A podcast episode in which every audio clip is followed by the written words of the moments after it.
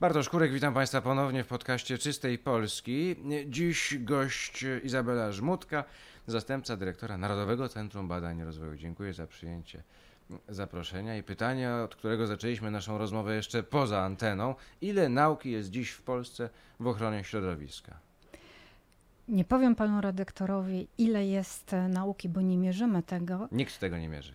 Ale na pewno nauka jest e, znaczącym elementem w ochronie środowiska. Mało tego, jest takim elementem, który daje dużą nadzieję na przyszłość, ponieważ e, to nauka pozwala to, co człowiek już zepsuł, spróbować naprawić. Albo A... zacząć od zera. Jeśli się da. Jeżeli przyjmiemy e, za ten e, punkt wyjścia, że dążymy do tego, żeby było zero odpadów, to rzeczywiście takiego zera tak. Mhm. Ale nie od zera w ogóle, dlatego że e, ochrona środowiska gdzieś zawsze była w orbicie nauki, może nie tak nazywana. Ale A nie na... można powiedzieć po prostu, pani dyrektor, że była traktowana po macoszemu? Nie powiem, nie powiem. Że najpierw tak? myśleliśmy o zdrowiu, o naprawianiu zdrowia, myśleliśmy o gospodarce, o przemyśle, e, myśleliśmy o nowoczesnych technologiach, niekoniecznie powiązanych z ochroną środowiska, bardziej o tym, jak mają usprawnić nasze życie. A dopiero jak zaczęliśmy chorować na masową skalę, jak co roku zaczęło umierać 50 tysięcy ludzi w Polsce z powodu smogu, na, gdy nagle Unia Europejska doszła do wniosku, że trzeba coś zrobić z neutralnością klimatyczną, bo za chwilę na przykład zaleje nas ocean, bo topnieją lody w Arktyki, no to dopiero wtedy zaczęto myśleć o takim rozwiązaniu. Miałby pan redaktor absolutną rację, gdyby nie fakt, że jest to myślenie ahistoryczne. Mhm. Chodzi o to, że na różnych etapach e, rozwoju były różne priorytety. I to, co kiedyś e, było priorytetem, już teraz nie jest, a na odwrót, to, co kiedyś nie było, teraz jest, ponieważ e, mm, to jest trochę taka natura człowieka, że jak coś dobrze idzie, to e, gubimy balans. I stąd teraz w tych różnych naszych programach mówimy, używamy dość często tego sformułowania zrównoważone, dlatego że teraz powinniśmy dążyć do równowagi bo kiedyś właśnie, ponieważ priorytety były inne, czyli e, dążyliśmy do pewnych udogodnień dla nas, maksymalizacji pewnych... Wzrost, wzrost, wzrost. Wzrost, tak. I on jest usprawiedliwiony, panie redaktorze, dlatego że uważam, że e, historycznie jest usprawiedliwiony, ale teraz przeszedł Matka natura nam tej sprawiedliwości nie wybaczy. E, matka natura jest wyrozumiała. Myślę, że teraz się otworzy, czy powiem inaczej, daje nam szansę, żebyśmy to, co kiedyś ona cierpliwie zniosła, żebyśmy to spróbowali naprawić i nadrobić. A to widać w programach, które Państwo realizujecie, które finansujecie? Widać to i to w znaczący sposób, szczególnie widać to e, wśród młodych naukowców, dlatego że to pokolenie, to pokolenie milenium, ono ma właśnie inne priorytety. Dla nich e, ta odpowiedzialność wobec matki natury, e, wobec planety, czy w ogóle wo, wobec społeczeństwa jest bardzo istotna. W związku z tym ich pomysły na biznes właśnie opierają się na tym, żeby z jednej strony oczywiście ten zysk jest gdzieś tam w tle, ale też jest to, żeby ten zysk był osiągany w sposób odpowiedzialny. A skoro to Narodowe Centrum Badań i Rozwoju, to bardziej mówimy o badaniach, czy bardziej mówimy o rozwoju? To znaczy, jak ta skala, jak ten podział wygląda? Mówimy i o jednym, i o drugim. No oczywiście, no, ale e, czego jest więcej, a czego jest mniej? E, powiedziałabym, że znowu mm, jedno bez drugiego nie istnieje. E, bo bez tych badań jeszcze wcześniej e, podstawowych nie będzie tych badań stosowanych, a bez tego nie będzie rozwoju. Ale odpowiadając e, wprost, jednak więcej jest rozwoju z prostego powodu. Wciąż naszym przedsiębiorcom brakuje takiej odwagi do dużych, przełomowych projektów, bo to się wiąże ze sporym ryzykiem powoli się tego nasi przedsiębiorcy uczą, ale uczą się też w taki mądry sposób, że zaczynamy od rozwoju, bo robiąc projekty, udoskonalając pewne produkty, usługi, w naturalny sposób zyskują pewność siebie i wiadomo, że kolejnym etapem, jeżeli ktoś już złapał tego bakcyla i też mu dobrze idzie, jest sięgnąć po bardziej ambitne, a bardziej ambitne to są to właśnie badania przemysłowe. Mhm, jak się wejdzie na Państwa stronę, to tam jest multum tych programów, naprawdę tego jest bardzo dużo.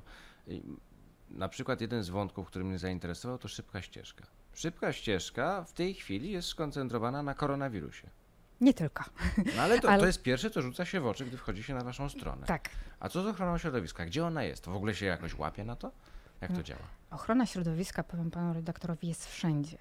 Dlatego, że e, rzeczywiście mm, to rozdrobnienie jest spore, ale ono też e, ma pewien zamysł w, ob- na obecnym etapie naszego rozwoju, e, badań i rozwoju w, w Polsce. A mianowicie my wciąż e, szukamy tych dziedzin, w których będziemy dobrzy. Żeby szukać ich, to musimy mieć szeroką ofertę i tą szeroką ofertę właśnie em, w, zaalokowaliśmy w szybkiej ścieżce, bo to jest taki program, my to ładnie mówimy, horyzontalny, czyli każdy pomysł, który mieści się w kategorii badań i rozwoju i jest dobry, znajdzie tam dofinansowanie. A co to znaczy każdy pomysł? To znaczy, to musi być już istniejące przedsiębiorstwo, które, nie wiem, wy- wymyśliło na przykład nowy sposób na produkcję nakrętek do plastikowych butelek, które są łatwiej biodegradowalne? Na przykład może być. I ono już musi funkcjonować, czy mogę przyjść z ulicy z pomysłem, że ja mam taki i chcę kasę? Do końca może nie z ulicy, Mhm. e, bo z ulicy może przyjść pan do nas, e, żeby z nami porozmawiać, bo trzeba złożyć e, wniosek. No właśnie. Wniosek składamy elektronicznie, a nie e, Mhm. w sposób fizyczny, ale jak najbardziej, jeżeli ma Pan pomysł, wystarczy założyć działalność gospodarczą, dlatego że szybka ścieżka jest dla przedsiębiorców i także dla mikroprzedsiębiorców, opisać to w odpowiedni sposób i jeżeli znajduje się tam właśnie ten komponent e, badawczo-rozwojowy, to Mhm. jest to em, element, który my dofinansowujemy, ale znowu pod warunkiem, Aha. że jest to dobry pomysł. No, no właśnie, i do tego mają Państwo zespół ekspertów, którzy Oczywiście. pomysł oceniają. Zgoda. Dobrze, to taki pierwszy z brzegu przykład, który mi przychodzi do głowy. Dla Państwa wiadomości, wymyśliłem go w tym momencie, nie przygotowywałem specjalnie na potrzeby tej rozmowy. Y, Dajmy na to, mam jednoosobową działalność gospodarczą. Produkuję na przykład jakieś, nie wiem, e, zaproszenia i winiety z papieru. Tak. I jeżeli ja, ja będę chciał rozwijać się i robić te zaproszenia i winiety tylko z ekopapieru, czy, czyli papieru po prostu po recyklingu, czy w związku z tym ja dostanę u Was na to dofinansowanie, czy nie? Mm, tak, pod jednym e, jeszcze warunkiem, że to nie chodzi mm, o tą tylko ochotę, że chce pan to robić, tylko my dajemy na ten etap e, przebadania, czyli Mhm.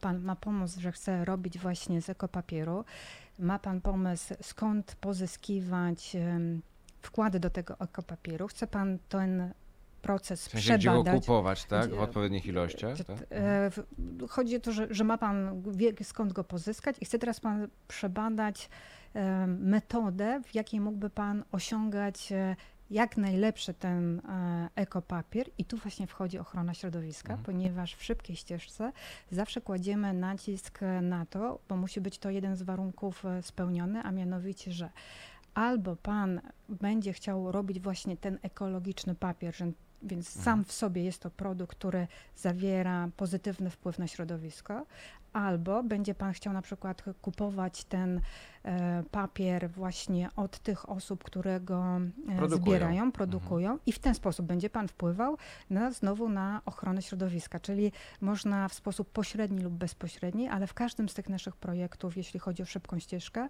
musi być ten pozytywny impact na środowisko. A ile jest takich projektów u Państwa? To znaczy, jak dużą, bo, albo inaczej, ile pieniędzy macie na projekty? Ile Wy wydajecie rocznie? Rocznie Mhm. budżet e, w tym roku to jest e, około 5 miliardów złotych. Z czego projekty proekologiczne to ile? Jeżeli popatrzymy pod tym e, kątem szybkiej ścieżki i z tego, że Mhm. każdy musi mieć ten pierwiastek ekologiczny, to jest około 3 miliardów. To sporo. Sporo. A jaki to jest czas? To znaczy, w jakim czasie te pieniądze muszą być spożytkowane, a ich e, odpowiednie spożytkowanie udowodnione, i żeby nie było potem zwrotów prokuratury i CBA? Tak. Bardzo ważny aspekt. Dbamy też o to, żeby były należycie wydatkowane, bo to są środki publiczne. Ponieważ jeśli chodzi o projekty z funduszy europejskiej, ta perspektywa, jeśli chodzi w ogóle o mm, zawieranie umów, Mhm. powoli dochodzi do końca. Jeszcze w tym roku będziemy No tak, budżet nowy się zaczyna zaraz, tak. ale wydawać trzeba do 2023 roku. Czyli można jeszcze w grudniu e, 2023 roku ponieść e, finansowe wydatkowanie i kończąc projekt, więc to jest ta granica kończąca, jeśli chodzi o środki unijne. Ale jeśli chodzi o środki krajowe, to tutaj co roku mamy około e, miliarda złotych, jeśli chodzi na różnego typu projekty. I to jest e, proces ciągły. Projekty zazwyczaj te takie badawczo-rozwojowe, one się zamykają w przedziale 2 do 4-5 lat. I to jest Mhm. okres e, na spożytkowanie e, środków finansowych, a jeśli chodzi o efekty, to właśnie po tym okresie badamy i patrzymy, czy przynoszą pozytywne skutki zarówno dla środowiska, jak i Mhm. pozytywne skutki dla przedsiębiorców, czyli, czyli e, dochód. No tak. Budżet unijny w nowej siedmiolatce dopiero jest, e, tak naprawdę dopiero się rozpędza, bo te negocjacje jeszcze się dobrze nie zakończyły. E, Nowy Zielony Ład dopiero się rozpędza, bo negocjacje jeszcze się nie zakończyły, one ledwie, ledwie się zaczęły. Mowa o 100 miliardach euro, które są na stole, z tego pewnie część kwoty spora e, przypadnie Polsce jako jednej z, z większych unijnych gospodarek. Pytanie, ile z tego przypadnie na pieniądze na badania i rozwój. I jak to przełoży się też na waszą działalność, no bo jak rozumiem siłą rzeczy e, to będzie już, nie, nie wiem, jedna dziesiąta, jedna czwarta, może nawet połowa tych pieniędzy, prawda? Mam nadzieję, że w jak największym stopniu, oczywiście proporcjonalnie do innych pomysłów, tylko też e, tu solidarnie powiem, że jeśli chodzi o innowacje, to powoli u- nas w Polsce powstaje cały taki, y, ja wolę to słowo e, bardziej niż ekosystem, po prostu narodowy system innowacji i różne agencje czy różne podmioty będą się tym zajmowały, w tym także e, NCBR, który ma ten komponent B plus R i e, mam nadzieję, e, że właśnie będzie to znaczące środki, albo przynajmniej takie, jak były dotychczas, dlatego że jeżeli myślimy po pierwsze w długim okresie e, o budowaniu przewagi konkurencyjnej polskiej gospodarki, to tylko innowacje, a jeżeli w ogóle myślimy o tym, na co teraz kładzie duży nacisk Unia Europejska, mianowicie na e, wszystkie takie zrównoważone, czyste, przyjazne środowisku technologie, to bez właśnie nauki e, nie pójdziemy do przodu, więc Mhm. jesteśmy e, niezbędni w tym procesie. A ile z państwa perspektywy zajmuje e, stworzenie projektu, ten, ten czas od stworzenia projektu przez jego finansowanie do momentu wprowadzenia go w życie? Tak, żeby ludzie tacy jak ja, którzy niewiele rozumieją z nauki, ale jakby sta- korzystają z jej owoców, no mogli to właśnie robić. Panie dyrektorze, świetne pytanie, e, na które e, zawsze odpowiedź jest, e, jak to wśród naukowców często słyszymy, to zależy. To wiem, każdy psycholog też odpowiada no, Tak, dlatego. Ale m- m- Mhm. m- m- mogę powiedzieć, że naprawdę, jeżeli to jest w miarę prosta rzecz, myślę, że w przeciągu roku można się w takim pomyśle zamknąć. Zaraz, zaraz. Wracamy w takim razie do nakrętek, ekologicznych Tak. nakrętek do butelek. Czyli jeżeli ja jestem producentem ekologicznych nakrętek do butelek, przychodzę do Państwa z, z takim pomysłem, albo że już rozpocząłem tę produkcję, potrzebuję pieniędzy na rozwój, to jestem w stanie na dużą skalę ruszyć po roku od rozpoczęcia współpracy z Wami? Nie powiedziałabym, że na dużą skalę, ponieważ to jest. To zależy, to wiem. Nie, nie, nie. To jest wbrew e, logice. Mhm. Tak, bo jeżeli jest Pan jednoosobową e, działalnością, ma dopiero pomysł i chce od razu na dużą skalę, to aż takiej skalowalności takie pomysły nie mają. Ale pocieszę Pana redaktora, to Dziękuję. jest e, w, tak, że e, e, zawsze w takich pomysłach jest tak zwana pro, funkcja logarytmiczna, czyli że na początku idzie powoli. Mhm. Czyli tak idzie powoli, ale jak już mamy Dużo ten ludzi się zniechęca? E, nie, ale Mhm. chodziło mi jeszcze, wracając do Pana projektu i tego Mhm. finansowania, że na początku będzie szło powoli, ale jak już e, złapie Pan ten właściwy rytm, Mhm. pomysł, doprowadzi wszystko do końca, to e, dochody mogą tak wyskoczyć Mhm. pod warunkiem, że znajdzie Pan odpowiedni rynek i się okaże, że to jest na przykład to, co jest taką niszą albo czymś, co potrzebuje nasz klient. Mhm. Więc jest e, ogromna szansa na dużą skalę, tylko bym nie powiedziała, że od razu w rok, e, ale po tym przełamaniu e, tej powolnego wzrostu jest to No skalowalność. Nisze, słowo klucz w takim razie. Tak.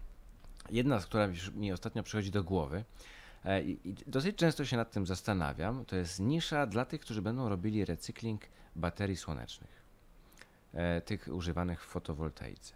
No bo e, widać ewidentnie, że ten trend jest wzrostowy. Bardzo dużo ludzi sobie to montuje, bardzo dużo osób korzysta z programu Mój Prąd. Widać to także w Europie Zachodniej, że rzeczywiście te baterie się nieźle rozwijają. Ale czy zgłosił się do Państwa ktoś, kto chce robić ich recykling? No bo jak już te wszystkie baterie założymy, a one mają, nie wiem, 10, 15, 25 lat gwarancji, no to co potem? Nie wiem, czy już się zgłosił, bo pod Mhm. tym kątem nie patrzyłam, Mhm. dlatego że my e, dzisiaj mamy w, pod naszą opieką około 4000 projektów, więc być może i wśród nich jest taki, Mhm. ale em, jestem przekonana, że to jest tylko kwestia czasu, że jeżeli się nie zgłosił, to się zgłosi, dlatego że nie wiem, czy to jest nisza, bo ja myśląc o niszy, to myślałam o czymś takim, że ktoś jeszcze e, ma pomysł, a jeszcze nawet e, klienci nie wiedzą, czy konsumenci, że Mhm. chcieliby to konsumować. W przypadku tych baterii to już wiemy, że, że e, em, to jest tylko kwestia czasu, kiedy my będziemy potrzebowali coś z nimi zrobić. No dokładnie. Są już takie, gdzieś się w mediach przeja- przewijają takie pomysły, że tam niektórzy je e, gdzieś tam zakopują, składują, ale to nie jest e, ten element, do którego byśmy dążyli. Więc myślę, że to jest znowu tylko kwestia czasu, kiedy się ktoś Kwestia badań i rozwoju. Tak, kiedy ktoś e, zobaczy, że po prostu, bo to też jest znowu kwestia skali. Jeżeli coś Mhm. jest jeszcze na tym etapie, że my to dopiero produkujemy i jeszcze tego nie demontujemy, e, To, to nikt nie myśli o tym, co jeszcze, będzie za jeszcze 20 nie myśli, ale tak. jeżeli to jest taki naukowiec czy przedsiębiorca, który wie, że tam trzeba właśnie szukać e, pomysłu na biznes dochodowy, Mhm.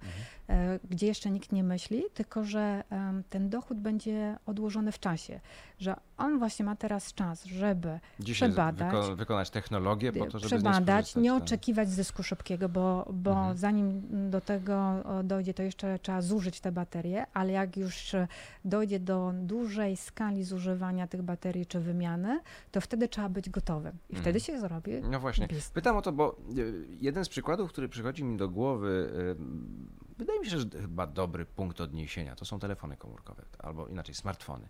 Znaczy, co się dzieje ze zuży- zużytymi smartfonami? Bardzo dużo tych smartfonów przez ostatnie lata, nie mówię, że teraz, ale przez ostatnie lata trafiało na Daleki Wschód, na specjalne wysypiska, gdzie po prostu przez y, ludzi do tego zatrudnionych były odzyskiwane z nich te najbardziej wartościowe części, a reszta palona.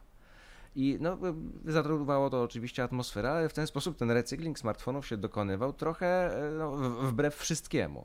I boję się, że jeżeli dzisiaj nie zaczniemy myśleć o tym w takich kategoriach, że należy już zacząć badania nad technologiami odzyskiwania e, materiałów z baterii fotowoltaicznych, to one w ten sam sposób skończą za 20 lat na wysypisku w Chinach na przykład.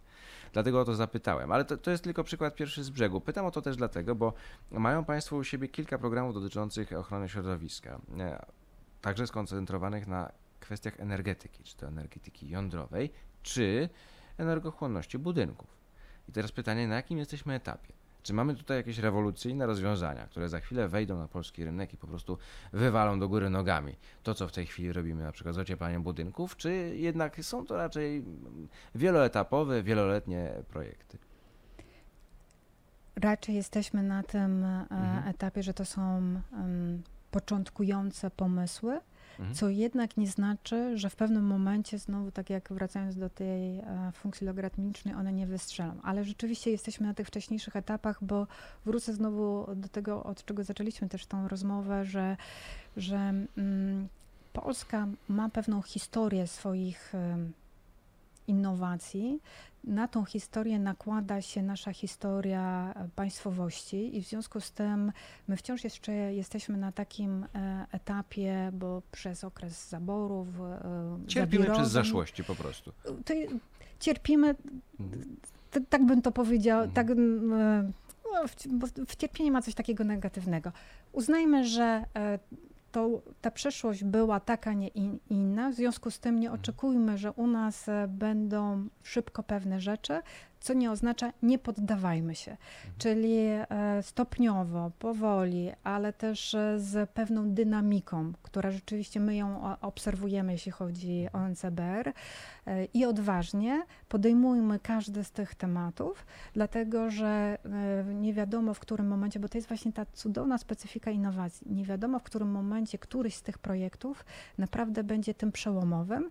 I szukajmy tego. To Mhm. jest tak jak z tym jednorożcem w startupach. Mhm. E, Nasze kraje e, ościenne, sąsiednie już mają swojego jednorożca, my jeszcze nie mamy, ale ja jestem z tych wyznawców, że jak już się one pojawią u nas, to, to nie będzie on jeden, tylko będzie ich więcej. Dlatego, że u nas ten potencjał, po pierwsze naukowy, po drugie potencjał, jeśli chodzi o przedsiębiorców, on jest ogromny, tylko my potrzebujemy jeszcze tej chwili na złapanie tego oddechu, że my naprawdę jesteśmy w tym dobrzy, bo jesteśmy w tym dobrzy, dlatego że Jaka E. to jest dynamika? Przepraszam, że wchodzę w słowo. Powiedziała Pani, że obserwują Państwo dynamikę, jeśli chodzi o projekty, jeśli chodzi o naukę. E, Patrząc na tą perspektywę chociażby unijną, Czyli najbliższych 7 lat.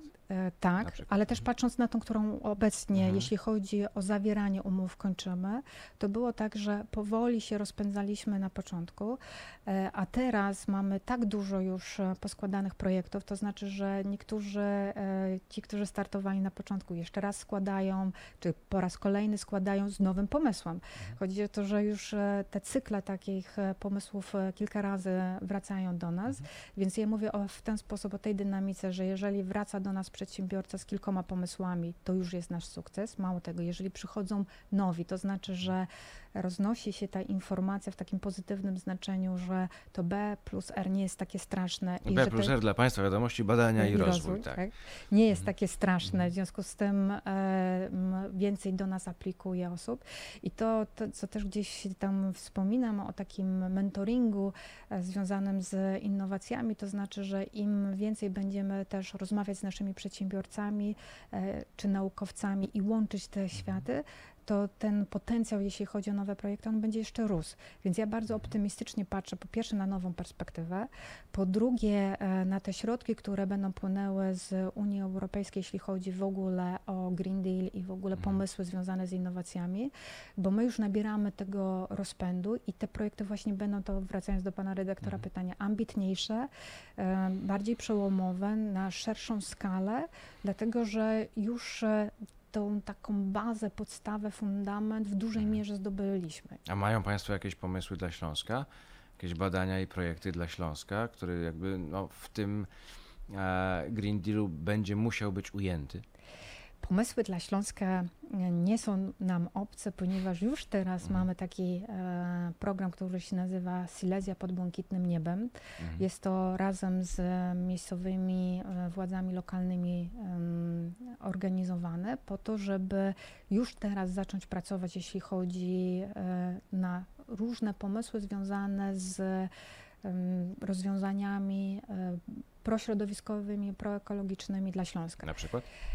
E, związanych chociażby z oczywiście z powietrzem, z em, dbaniem o e, zdrowie e, ludzi tam mieszkających, uwrażliwianiem ich na pewne aspekty związane z trybem życia, dlatego że, że to jest. A to co Państwo finansują? Akcje edukacyjne? Nie, nie, nie.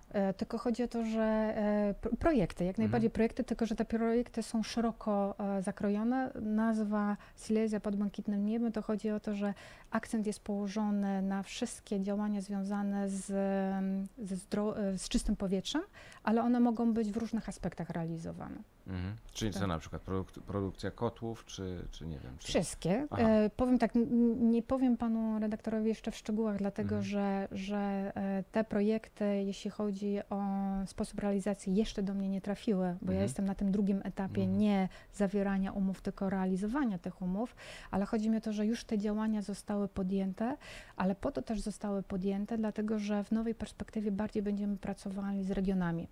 Dlatego, że wiadomo, e, ośrodki takie jak Warszawa są istotne, ale ludzie e, mieszkają w swoich regionach, I tam, tam- też chcą oddychać. oddychać, ale też tam są centra naukowe, e, tam są przedsiębiorcy, w związku z tym będąc bliżej Łatwiej określić nich, potrzeby. potrzeby i Mhm. też bardziej sprecyzować na konkretne uwarunkowania, które są w danym regionie. Mhm. Czyli no, tak zwany samorząd, krótko mówiąc. Ta, e, tak, środki regionalne, samo, tak, ale to jest naturalne, że my powinniśmy e, współpracować zarówno z oś- ośrodkami lokalnymi, e, jeśli chodzi o naukę, przedsiębiorcami, ale też z władzą lokalną, dlatego Mhm. że tylko w takim synergii jesteśmy w stanie prowadzić projekty w sposób skuteczny, bo one wymagają Bardziej zarówno celowo, prawda? To znaczy no, już przełożenie będzie lepsze. celowo, Mhm. ale też chodzi o to, że wiele działań wymaga zarówno inicjatywy oddolnej, jak i odgórnej, bo oddolna wychodzi z pomysłami, ale jeżeli nie ma odgórnego poparcia czy rozwiązań prawnych, napotyka na pewne problemy. A o to Państwo na przykład już doprowadzaliście do zmiany, y, zmian w prawie, przez, widząc przez, y, na, przez swoje doświadczenia, że na przykład w danym regionie coś nie działa, bo są problemy z prawem?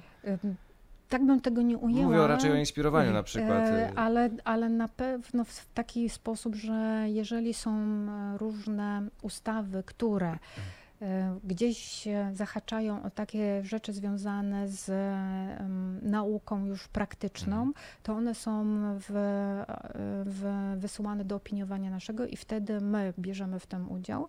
E, Jesteśmy też w takim ciele, które jest dedykowane do Śląskowi, które współpracuje, Mhm. taki zespół, który pracuje właśnie w różnych konfiguracjach, by rozwiązać tamte Mhm. problemy i my wnosimy tam nasz punkt widzenia i naszą wiedzę związaną z, z innowacjami, bo jeżeli chcemy rozwiązywać te problemy, które tam, e, nie tam, ale w ogóle w całej Polsce są, to e, okazuje się, że właśnie jedną z odpowiedzi e, takich, które są długofalowe, to jest właśnie zawsze szukanie rozwiązań na bazie badań i rozwoju, czyli tych innowacyjnych. Mhm. Rozmawiając o wynalazkach, ile wynalazków, ile projektów, które dotąd się u Państwa pojawiło, związanych z, ochroną środowiska, rzeczywiście dzisiaj funkcjonuje albo zaraz będzie funkcjonowało? Pan redaktor zawsze mi zadaje takie pytania statystyczne. Ale to jest E, konkret. No, co takiego e, fajnego wymyślili polscy naukowcy, na co wzięli kasę, dzięki czemu ja, Bartek Kurek, będę mógł lepiej żyć? To już powiem panu Proszę. redaktorowi, że są projekty małe i duże. Wszystkie mnie interesują. Te duże zazwyczaj, e, duże w tym sensie, Mhm. że nigdy bym nie bagatelizowała takiej e, skali e, jak duży blok elektrociepłowni dwusetka, bo on jest ogromny. Nikt tego nie bagatelizuje. Tak, to duży problem w Polsce. Tylko akurat. chodzi, tak, tak, tak Mhm. tylko chodzi o to, że, że, że jego efektu też szybko nie zobaczymy, Mhm. ale już nad tym pracujemy, dlatego że te bloki były budowane w w, w swoim czasie, Mhm. y, są bardzo ważnym elementem. Mamy dedykowany program dla tych bloków, tak by spróbować przedłużyć ich e, żywotność. W związku z tym pracujemy nad tym, jesteśmy na kolejnym etapie e, tych e, prac, e, więc one jeszcze nie będą w tym roku, ale to jest kwestia znowu e, dwóch, trzech lat. I jeżeli e, ten projekt zakończy się sukcesem, taką mamy nadzieję, bo zawsze istnieje ryzyko Mhm. zmaterializowania się ryzyka badawczego, to wtedy to będzie rozwiązanie, które będzie dotyczyło wszystkich bloków, które mamy w, e, w Polsce i jest to na dużą skalę. Ale co- co to za bloki i o co chodzi? Bo tak A, a, a, a, pani chodzi. e, No. Tak, chodzi o tak. Mamy e, elektrociepłownie, mamy bloki, które, czyli te takie wielkie, e, budowle, które cementowe, tak to Mhm. wygląda, więc nazwa blog jest adekwatna, nie sposób ich wyglądu, nie, tak. nie zauważyć. One były budowane kilkadziesiąt lat temu i na pewien e, okres czasu powinniśmy e, próbować e, dać im już e, czas e, e, Wygasić ale nie chcemy, dlatego Bo są na węgiel kamienny albo brunatny, różnie. różnie, ale Mhm. też mają swoją żywotność, natomiast technika idzie naprzód i to, że one wtedy tak zostały wybudowane, nie oznacza, że teraz.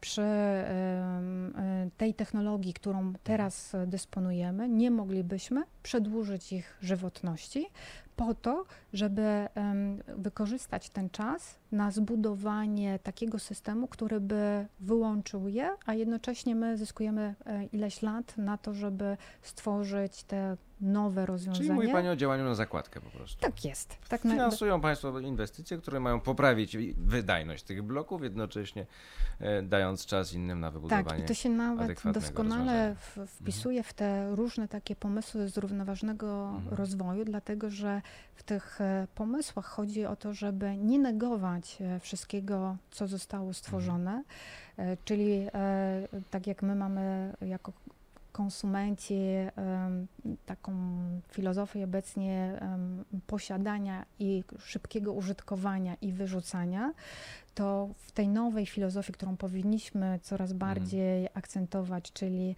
e, doceńmy to, co już stworzyliśmy, Chcieć mniej. Chcieć mówiąc. Mhm. mniej, ale też wykorzystywać to, co jest, czyli przedłużać mu żywotność. I to począwszy od takich e, bloków dwusetek, e, e, Mhm. czyli dużych bloków, których można bezpiecznie przedłużyć żywotność, dlatego że one są, nie należy ich wyburzyć. Wykorzystajmy Mhm. jeszcze je i w, w tym czasie stwórzmy coś nowego, co je zastąpi. To tak samo to dotyczy przeróżnych rzeczy, czyli, czyli Siatki na zakupy na przykład. siatki na zakupy, Mhm. cały sprzęt AGD, prawda? Mhm. Bo to jest tak, e, że, że ten sprzęt e, AGD gdzieś tam w pewnym momencie został e, stworzony, potem się zachłysnęliśmy czymś takim, że musimy mieć nowsze To, modele. to pani dobrze wie, państwo, jeśli nie wiedzą, no to proszę państwa, jeżeli mają państwo wpisane na przykład 2-3 lata gwarancji na pralkę, no to ona po tych 3 latach zazwyczaj się psuje, albo coś się z nią takiego dzieje, że prędzej czy później ktoś na, decyduje się na zakup nowej, a starą po prostu wyrzuca. No niestety tak to wygląda w praktyce. Wygląda w praktyce, ale e, młodzi e, z naukowcy, tak, młodzi naukowcy, Mhm. którzy mają właśnie tą, Mhm. i przedsiębiorcy także, Mhm. tą wrażliwość społeczną, mówią, ale nie róbmy tak, dlatego że wyprodukowanie kolejnej pralki to jest kolejny e, ślad węglowy, czy w ogóle eko, e, czy Ślad szeroko- wodny także tak, znaczy, um, u- ujmijmy ekologiczny, e, czyli coś, co, co jest wytwarzane. Spróbujmy tego, co już wyprodukowaliśmy, wrócić w różnych formach, tak? Czyli nie chodzi mi tylko o recycling, ale także o to, że zmienia się filozofia biznesu, czyli e, że interesem naszym powoli staje się produkowanie rzeczy, które długo e, Mhm. służą nam, ale w innym modelu biznesowym. Bo jeżeli my nie będziemy sprzedawać pralek, ale będziemy sprzedawali usługę, która polega Piorącą. na tym piorącą, Mhm. albo nawet usługę polegającą na tym, że ja wypożyczam tą pralkę e, Mhm. panu na 5 lat, to w moim interesie jest, żeby ta pralka działała jak najdłużej. Dlatego, że jeżeli ja wypożyczę ją panu na 5 lat, a pan po 5 latach uzna, że chce nowszy model, to ja panu dostarczę nowszy, ale być może ktoś będzie chciał ten starszy, bo uważa, że on mu będzie wystarczający. Czyli pani mówi tak naprawdę o niekończącym się leasingu konsumenckim. No bo O- to o- trochę tak wygląda, tak? To znaczy ja leasinguję On- od pani pralkę, którą pani mi wymieni za kilka lat, jeśli ona się Ja zużyje. myślę, panie redaktorze, że to jest nawet nieadekwatne już do tego pomysłu biznesowego, bo to są nowe, e, nowe podejścia właśnie w tym takim odpowiedzialnym Mhm. podejściu do środowiska, e, że e, tworzymy taki nowy zupełnie model, w którym w naszym interesie jest tworzyć Mhm. rzeczy o jak najdłuższym czasie e, Użytkowania. użytkowania, dlatego że ja zaczynam zarabiać na usłudze, Mhm. a nie na produkcie. E, I tak samo jest e, z kolei nowy model. Ja jestem takim po prostu fanką różnych Mhm. modeli, bo to też są innowacje, Mhm. czyli nowe modele biznesowe, że te same rzeczy mogę użytkować dłużej, ale dlatego, że po prostu je poddaję pewnej przywróceniu do dawnej świetności. Na przykład? Na przykład e, taki świetny e, jest jeden z polskich startupów e, od butów. Mhm. Oni wymyślili sobie taki właśnie pomysł, że po co wyrzucać buty. Oczywiście wiemy, że, że to nic nowego, tak? Kiedyś przecież e, szewskie istniało, teraz już coraz bardziej jest unikatowe, więc oni wrócili do tego pomysłu, żeby e, zrzeszając e, grupę e, szewców, czyli dając im pracę, Mhm. ale dołączając do tego nową usługę, polegającą na tym, że w różnych miejscach e, ja mam łatwość e, tych butów po prostu przy okazji gdzieś tam zostawia, zostawienia, a ktoś mi je tam odbierze i przywróci im świetność na różne sposoby. Na sposoby tam prania, e, czyszczenia, także malowania, czyli że Mhm. dostaje trochę in, inny typ, ale po prostu korzystając z materiału, który już został stworzony, daje im całkiem nową Buty jakość. reaktywacja. Tak, z prostego powodu. Mhm. E, nasze zasoby są naprawdę na ziemi ograniczone. Mhm. I tak jak pan redaktor mówił o tych telefonach, ja znam tą praktykę, ale chodzi o to, że to jest marnotrawstwo. Oczywiście, że tak. Bo w tej nowej koncepcji e, gospodarki, która powinna być tą cyrkularną gospodarką, przy ograniczonych zasobach e, różnych, Tak zwany GOZ, gospodarka obiegu zamkniętego. Straszne Dokładnie. sformułowanie. straszne, ale trzeba je oswoić. To jest Mhm. tak, że każdy z tych em, surowców, on jest bezcenny. W związku z tym próbujmy e, takie tworzyć e, produkty, modele, e, procesy, by nie traciły na wartości zarówno te surowce, jak e, i odzyskiwali je w sposób właśnie zamknięty po to, żeby dać szansę, wracając do naszej e, matki ziemi i, e, i jej cierpliwości, odrodzić się, kiedy my będziemy użytkowali te rzeczy, które, które już mamy. Szczególnie, że nasza populacja, jeśli chodzi o ilość ludności, ona jest znacząca. I, Na świecie jest dużo, ale w perspektywie polskiej się zmniejszy. i rośnie, tak, ale to jest właśnie ciekawe swoją drogą. tak. Taki paradoks trochę. Taki paradoks, ale, ale w e, liczbie globalnej ona po Mhm. prostu rośnie. I w związku z tym e, powinniśmy odpowiedzialnie, roztropnie użytkować te surowce. To tyle apeli. A praktyka? Znaczy, jak to przekłada się na pieniądze i finansowane przez państwa projekty? Ten od, ten od butów jest I- fajny. On rzeczywiście ma, ma fajną To perspektywę. akurat nie jest e, nasz beneficjent. Ja wiem, e, ale jest to dobry przykład. Ale jest dobry Mhm. przykładem, bo stworzyli go młodzi ludzie, przeszli swoją Mhm. też drogę, bo coś tam Jakby pewne- przyszli do was po pieniądze, to co? To by je E, dostali? dostaliby, jeżeli Aha. by, e, bo mają pewną historię za sobą, mają pewne doświadczenie. W związku z tym, jeżeli by mieli pomysł na e, idąc tym tropem, a na pewno by poszli znowu w jakąś e, rzecz innowacyjną, Mhm. e, wydaje mi się, że mają ogromne szanse. Dlatego mówię, że wydaje mi się, ponieważ my mamy tą autonomiczność naszych ekspertów, którzy Mhm. niezależnie od moich osobistych upodobań i na całe szczęście Rozumiem. oceniają pod, względem, pod, pod tym względem e, badawczo-rozwojowym. Ale wrócę jeszcze do tych Proszę. rzeczy, bo mówiliśmy o dużych, a ja przy, przyszłabym do tych mniejszych. Mówiliśmy o blokach, mówiliśmy o butach. To teraz o czym To jeszcze? teraz jeszcze powiedzmy na przykład o, o trębach, Mhm. bo to jest coś, czego u nas w Polsce jest dużo. O tręby do legendy już Pszenne, przeszły. tak, o tręby i, i, i słynne. Nie i- tylko w diecie. nie tylko w diecie, Mhm. i w talerzykach, i Na sztućcach, przykład. ale to jest świetny, e, świetny przykład, jak zmiana mentalności, Mhm. Jak siła mediów, bo media tutaj też miały ogromne znaczenie. e, Mówimy o producencie, który e, wytwarza naczynia, e, sztućce, co on tam jeszcze robi? Z otrębów pszennych, prawda? Tak, tak. Co tam, tu, pamiętam, że całe komplety między innymi w Arabii Saudyjskiej były sprzedawane. E, Absolutnie tak. E, I akurat to jest nasz Mhm. e, beneficjent, jeden z naszych takich moich Koników. Może nie koników, ale do których mam dużą sympatię, dlatego Mhm. że w prostej rzeczy wykorzystują c- coś, czego mamy sporo. Dając też e, zarówno nam, jak i e, nie tylko nam szansę, żebyśmy e, eliminowali coś, co nam naprawdę nie jest potrzebne, czyli plastikowe talerze, Mhm. naczynia, tam sztućce. To już trochę Unia Europejska wymusza, no bo to mamy dyrektywę dotyczącą, prawda, Tak, tak, bo to, tak bo to jest, powiedzmy, to jest właśnie ten, jeżeli my w pewnej. Słomki do grupie, napojów przykład, właśnie, pew, Mhm. pytanie, po co nam są słomki potrzebne, e, ale też e, są szanse na słomki, które są mm, Papierowe. Albo takie typu makaronowe, Tak, tak. które też, też spełniają tą rolę, ale chodzi, bym tu zaakcentowała coś, co, co pokazuje, jaka jest siła, jeżeli działamy wspólnie, bo Mhm. bo tu była, zadziałała współpraca e, zarówno e, ze strony politycznej, ze strony mediów, odpowiedzialności ludzi, którzy zaczęli o tym coraz częściej mówić, ale po co nam, prawda, te plastikowe rzeczy. Ktoś zobaczył, że a może to jest ta droga, którą powinniśmy Mhm. pójść, złożyli do nas wniosek, e, wykorzystali on tręby i odnoszą sukcesy i oby jak e, najwięcej e, takich pomysłów. Dodajmy, że takie było.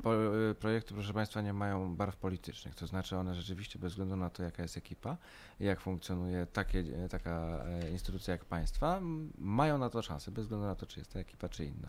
Bo y, trzeba przyznać, że i podobne projekty wcześniej już były finansowane przed tą, e, e, przed aktualną ekipą rządzącą. Ja bym nawet, panie redaktorze, Mhm. poszła dalej. Ja po prostu mam taki pogląd, że innowacje są czymś, co jest e, apolityczne, Mhm. e, e, je, jeśli chodzi w ogóle o po prostu pomysły i czymś, co No tak powinniśmy być. I czymś, co powinniśmy e, niezależnie od naszych różnych poglądów e, wspierać szeroko, dlatego że, że to jest coś, co działa dla dobra całego Mhm. społeczeństwa, oczywiście powiem szerzej dla dobra w ogóle Europy i że powinniśmy mieć taki patriotyzm lokalny zarówno w Polsce, jak i Ponad w, podziałami tak zwane. ja, i w Europie. Tak, tak. E, e, I Mhm. taką dumę, bo przecież, bo przecież e, nauka, jeśli chodzi właśnie Mhm. o Europę, nie jest e, e, najgorsza, momentami naprawdę jest znacząca. I rozwijajmy to. I, I właśnie to jest coś, co nas wspólnie łączy, a mało jeszcze tego bym powiedziała, tu, tu tych sojuszy bym zobaczyła jeszcze więcej, bo e, jeżeli mamy te takie działania właśnie zarówno oddolne, odgórne, Mhm. z wykorzystaniem e, internetu, który nam daje teraz niesamowite możliwości takiego oddziaływania zarówno Mm. na, na polityków, jak i na naukowców, jak i na przedsiębiorców, to dużo dobrego możemy zrobić w Mm. różnych e, modelach. I też mnie to zawsze cieszy, jak, jak inspirujemy się różnymi pomysłami z, od naszych e, kolegów z różnych krajów, dlatego że, że to inspirowanie się, a czasem nawet takie kopiowanie pomysłów, jeżeli ono ma ten efekt na koniec, że sprzyjamy środowisku, to Mhm. czemu nie? To No, tak powinniśmy. Oczywiście. Y, Gdy mówimy o projektach, które mają uczynić nasze życie y, wygodniejszym albo lepszym, przed wejściem do studia rozmawialiśmy o koszu, który sam segreguje śmieci. Jak to jest? To już wyszło, to wyjdzie. Wiem, że u Państwa taki projekt się pojawił. Tak, e, to jest e, taki, mm, mm, na- nazwijmy go inteligentny kosz, Mhm. e, czyli kosz, bo innowacje, tak jeszcze powiem,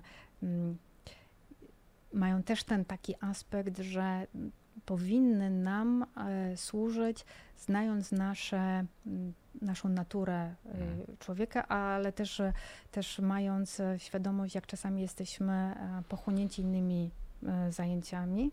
W związku z tym śmieci powinniśmy segregować jak najbardziej, ale mogą być takie sytuacje, że rzeczywiście nie jesteśmy w stanie. I tutaj wychodzi znowu pomysłowość różnych osób, no to stwórzmy taki kosz, który będzie segregował za nas. I to jest drugi model, bo jedni mają taką właśnie mm, dużą e, dyscyplinę i potrafią sami, a inni wolą kupić kosz, który będzie segregował. I ten kosz jest tak wymyślony, żeby segregować e, odpady tak zwane suche, bo Mhm. tam jest plastik, szkło, e, papier i metal. Nie ma bio, bo bio jest e, już należy do innej frakcji, bardziej skomplikowanej, co nie znaczy, że w jakimś kolejnym etapie nie powstanie jakiś inny Suche, pomysł. czyli czyste. E, Suche, czyli nie... E, zabrudzone na przykład. które nie podlegają Mhm. gniciu, tak bym tak, powiedziała, rozumiem. tym procesom gnilnym, które, które mogłyby nam Mhm. tutaj em, zaburzyć. I taki kosz już powstał. Jest na etapie powiedzmy e, wprowadzania w produkcję, e, ale jeśli chodzi e, o ten etap badań i rozwój, już, był, już jest zakończony. A kiedy on trafi do sklepów? Kiedy będzie go można na przykład do- dostać gdzieś? Ja mam nadzieję, że jak najszybciej, dlatego że, że to A jest co tak, mówił producent państwu? Bo wie pani, jak się porozmawia z Polakami, Myślę, można... że producent ma dokładnie ten sam cel, dlatego że e, po co się przychodzi do NCBR-u? Żeby pomysły, które niosą pewne ryzyko, zrealizować, e, korzystając z wsparcia e, agencji Mhm. wykonawczej, która ma taką misję. Więc wspieramy, no ale to nie chodzi o to, żeby tylko przebadać. Chodzi o to, żeby na koniec, po tym jak już te ryzyko zostanie opanowane w tym sensie, że zobaczymy, że, że z tego wyszedł ten produkt, który zamierzaliśmy, to żeby, na, żeby to, to się tak ładnie mówi, skomercjalizować, czyli e, otworzyć produkcję, e, czy wdrożyć w jakimś zakładzie produkcyjnym i zarabiać na tym. A to jest od początku do końca polski pomysł? To jest polski pomysł, Mhm. tak. tak. Dlatego, że, że y, mm, będąc agencją wykonawczą Mhm. e, działającą w Polsce, pierwiastek polski musi być w każdym naszym projekcie. Co nie oznacza, że my nie współpracujemy No, międzynarodowo. Mhm. Bo i to, to jest bardzo też, e, dziękuję za to pytanie, ważne, dlatego że e, my musimy być otwarci także na współpracę międzynarodową. Czy, czy powinniśmy, czy chcemy być? Oto, Mhm. Dlatego, że to jest tak, że zamknięcie się tylko we własnym środowisku Mhm. nie jest skuteczne. Właśnie innowacje są czymś e, takim tematem ponadnarodowowym, e, gdzie, e, gdzie wszyscy mamy wspólny interes. Mało Mhm. tego, wymieniając się poglądami i inspirując się spojrzeniami z różnych krajów, mamy większą szansę osiągnąć ten efekt, który nam przyświeca. W Mhm. związku z tym projekty, które są u nas i u nas są dofinansowywane, muszą mieć ten pierwiastek polski, który definiujemy też w tym, że po prostu powstają badania tutaj są przeprowadzone, czy produkcja musi być tutaj e, otworzona, co nie znaczy, że to, nie- że to nie może być firma, która jest z kapitałem zagranicznym, tylko żeby działała tutaj u nas w Polsce. Na miejscu, Tak. rozumiem. A wracając jeszcze do tego kosza, który sam segreguje, bo to, to, wie Pani co, ja kiedyś wspominałem o tym znajomym, którzy powiedzieli, że sami by chętnie sięgnęli po takie rozwiązanie, bo miewają z tym kłopot, jak to segregować. Można to zrozumieć. Teraz pytanie, y, czy producent powiedział, kiedy to będzie dostępne w ogóle? Bo jakby od- Państwo jakoś nad tym cały be- czas trzymacie pieczę chyba? E, tak, trzymamy Mhm. nad tym pieczę, dlatego że em, to jest tak, że jeśli, jeżeli mm, są to projekty, z, które są dofinansowywane Mhm. z Unii Europejskiej, to mamy coś takiego, co nazywamy okresem trwałości, czyli że efekty tego mm, mm, procesu badawczego muszą być wdrożone w, mm, w, w jakąś tam właśnie linię produkcyjną Mhm. w przeciągu kilku lat i my to po prostu badamy. W związku z tym pan jest e, zobligowany, znaczy pa- państwo, e, Mhm. firma jest zobligowana do tego, żeby to e, wdrożyć i, i, i to też jest w ich interesie. Mhm. E, Jeszcze panu redaktorowi nie, nie powiem, czy to będzie w najbliższych dniach, bo przyznaję się, nie będę improwizować, nie zadam im jeszcze Mhm. tego pytania, ale na pewno będziemy e, jak nad każdym projektem się pochylać i sprawdzać, czy Mhm. rzeczywiście się to udało zrobić.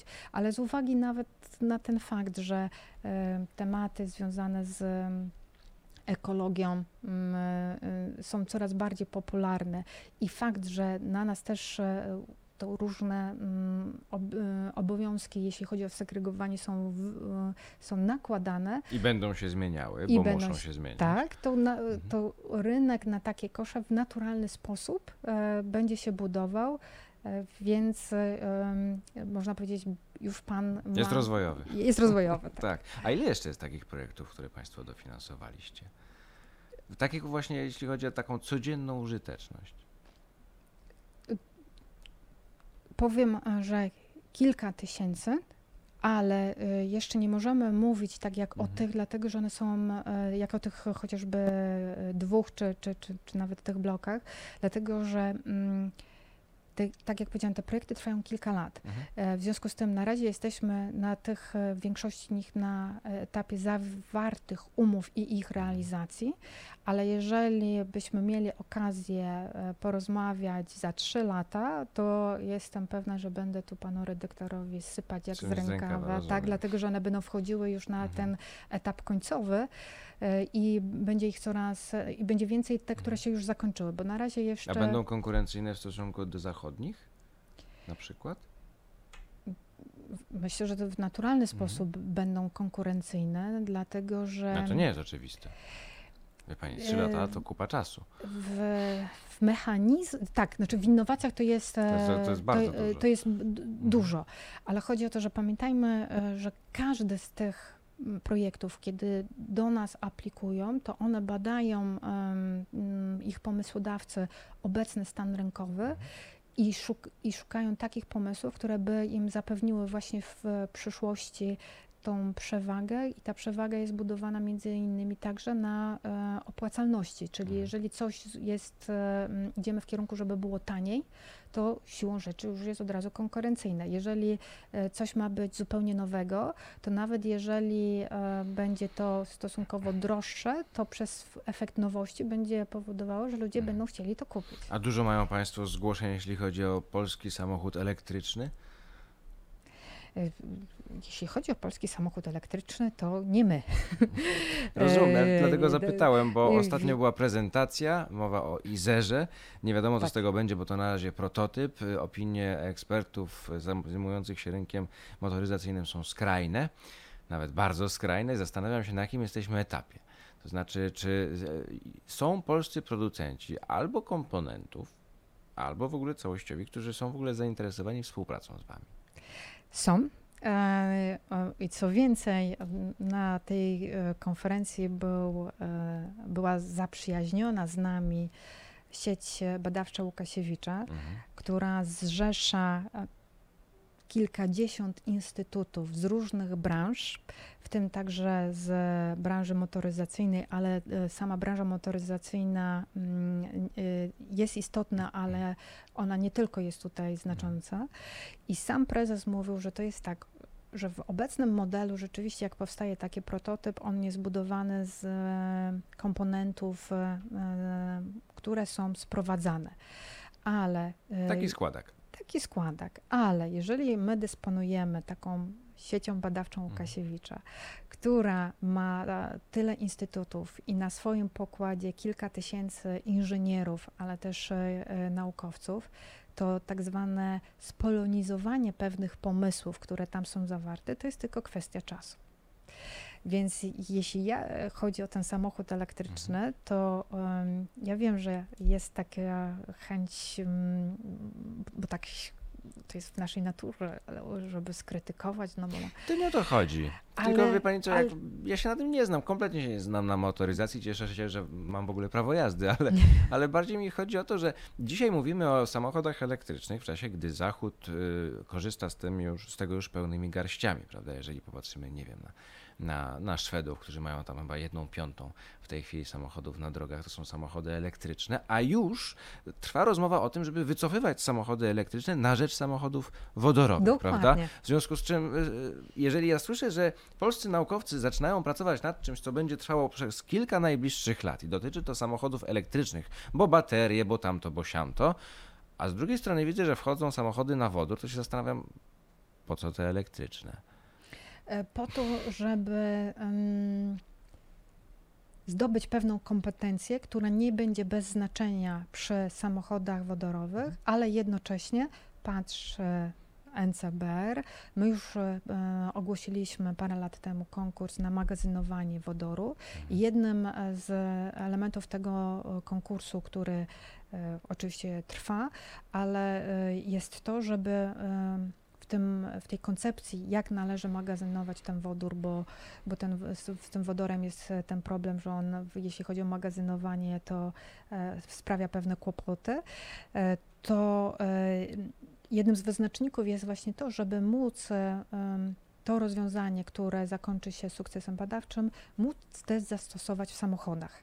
Mhm. I myślę, że, że o wiele prościej jest potem, jeżeli my mamy samochód elektryczny, wkomponować w niego e, ten komponent związany z, e, z e, e, wykorzystujący wodór, Mhm. e, niż e, w samochód, który jest zupełnie w innej koncepcji, jeśli chodzi o e, silniki e, spalinowe. Więc to, ta, ta nauka, ta wiedza z tego e, elektrycznego w mojej Nie opinii zginie. nie zginie. Nie Mhm. zginie. A kiedy po, w Polsce będą jeździły samochody na wodór? Na dużą skalę? Znowu odpowiem panu redaktorowi. Mam nadzieję, że jak najszybciej. Mało tego, jeszcze one będą autonomiczne, Mhm. ale w ogóle to mam e, taką nadzieję, że, że mm, jednak przestawimy się na coś innego. Mm, że nie na skalę e, tych samochodów, tylko znowu e, na zmianę koncepcji przemieszczania się. Ponieważ e, e, w tej koncepcji przyjaznej środowisku, w tej koncepcji Mhm. przemieszczania się nowej raczej jest preferowany transport publiczny, Mhm. E, dlatego że on jest bardziej e, wydajny niż indywidualny. I, znowu e, ten transport publiczny powinien być jak najbardziej przyjazny środowisku. W związku z tym pracują naukowcy nad lokomotywami wodorowymi. No i też jest taki temat, który trochę też zaostrza apetyt, czyli Hyperloop, czyli koleje, które są e, w, w, w takich tunelach próżniowych, które dopiero e, dawałyby ten e, efekt szybkiego przemieszczania To jest w się. ogóle w polskim zasięgu?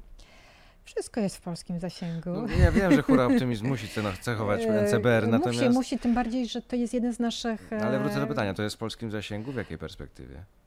Oczywiście nie roku, nie dwa, Mhm. Natomiast jest w zasięgu, bo chodzi, panie redaktorze, na tym właśnie polegają innowacje, żeby e, próbować iść tam, gdzie wszyscy mówią, nie macie szans.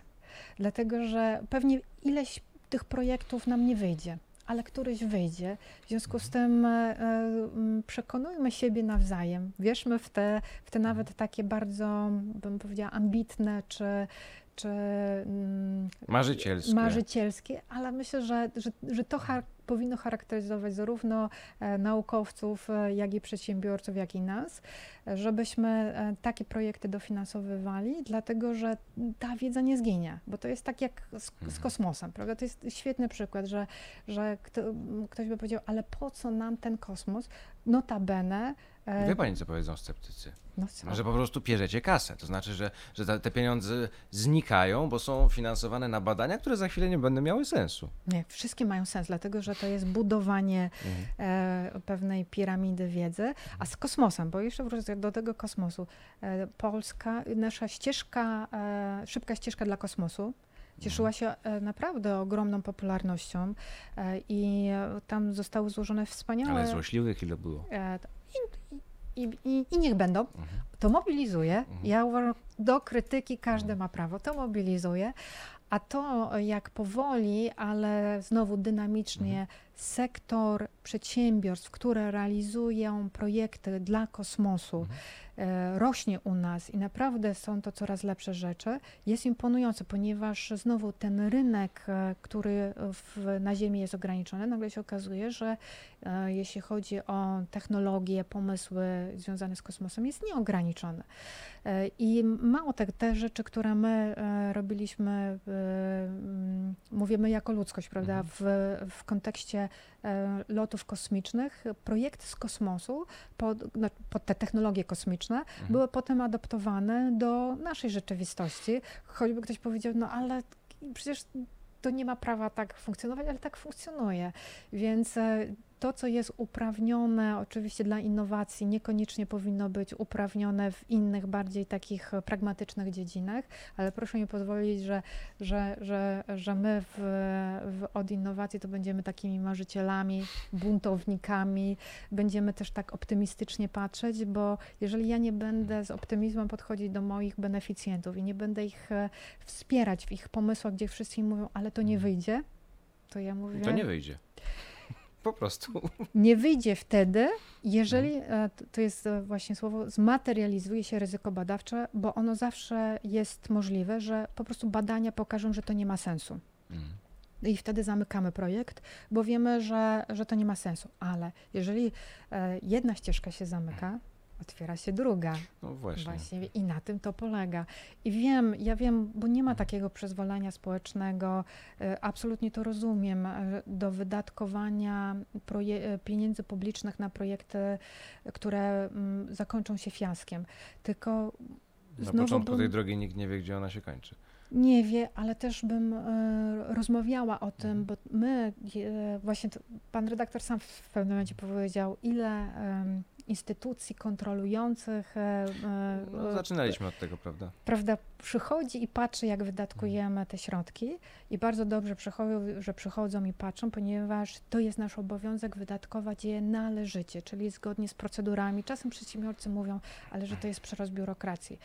E, Więc ja im wtedy tłumaczę, że podejdźmy do tego też tak e, jak do wyzwania, że ten przerost biurokracji jest po to, żeby pokazać, że należycie wydatkujemy te środki Mhm. i żeby nikt nie miał wątpliwości, ale z drugiej strony to jest też takie e, szkoła charakteru. Jeżeli ktoś naprawdę przejdzie z nami tą drogę przez te procedury, e, udokumentuje, to jest też najlepsza szkoła biznesu. Bo jeżeli my musimy zaplanować coś, coś z wyprzedzeniem, musimy Mhm. oszacować koszty, musimy potem zmieścić się w czasie, dopilnować tego, to to jest najlepsza szkoła biznesu. Izabela Żmudka, zastępca dyrektora Narodowego Centrum Badań i Rozwoju, była gościem podcastu Czystej Polski. Bardzo Pani dziękuję. Państwa zapraszam na kolejne odcinki. Do zobaczenia.